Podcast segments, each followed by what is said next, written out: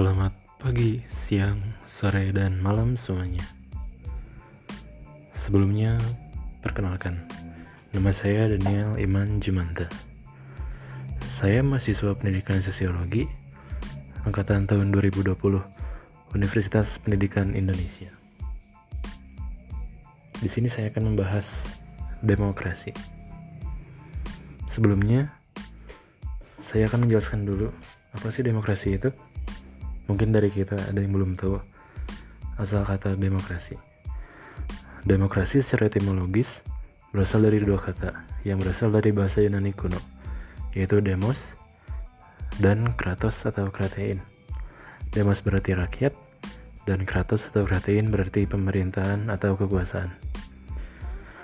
Jadi bisa dibilang, demokrasi merupakan pemerintahan rakyat, pemerintahan atau kekuasaan dari rakyat. Pemerintahan yang mengikut sertakan rakyat untuk berpartisipasi. Pelaksanaan demokrasi di Indonesia tentunya mengalami banyak dinamika, baik dari rakyat dan juga pemerintah. Ya, seperti arti kata sebenarnya dari demokrasi itu sendiri, yang diartikan sebagai pemerintahan rakyat. Demokrasi tidak terlepas dari pemerintah dan juga rakyat, tentunya. Rakyat sekarang pada umumnya menyadari bahwa mereka memiliki hak untuk menyatakan pendapat mereka. Mereka sudah mengetahui bagaimana cara untuk menyatakan pendapat mereka dengan baik dan sesuai dengan hukum yang berlaku.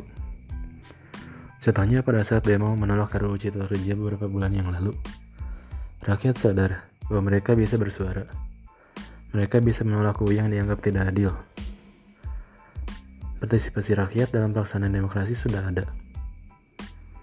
Tentunya ini menjadi situasi yang baik di negara demokrasi yang memang seharusnya begini. Rakyat menjadi pemegang kekuasaan tertinggi dalam arti semua keputusan dan kebijakan yang dikeluarkan oleh pemerintah harus disetujui oleh rakyat dan pastinya harus berdampak baik bagi rakyat. Ketika keputusan yang diambil pemerintah dirasa tidak berpihak pada rakyat, maka keputusan itu bisa digugat oleh rakyat lewat wakil-wakil rakyat.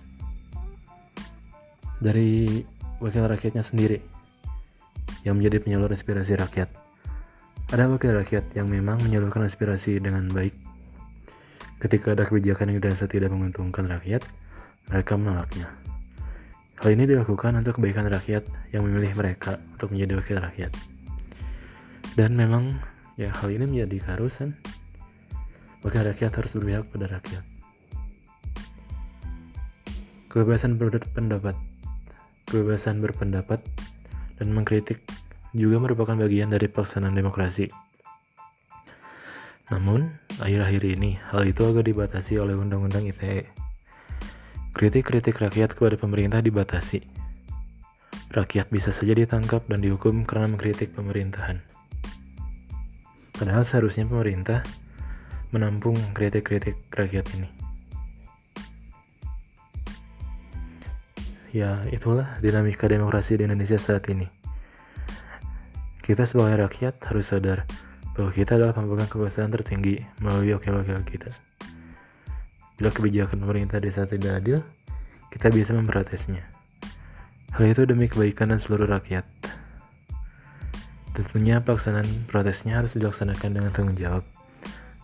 Dan sebelumnya terlebih dahulu diselidiki apakah yang diprotes itu benar-benar merugikan rakyat atau tidak.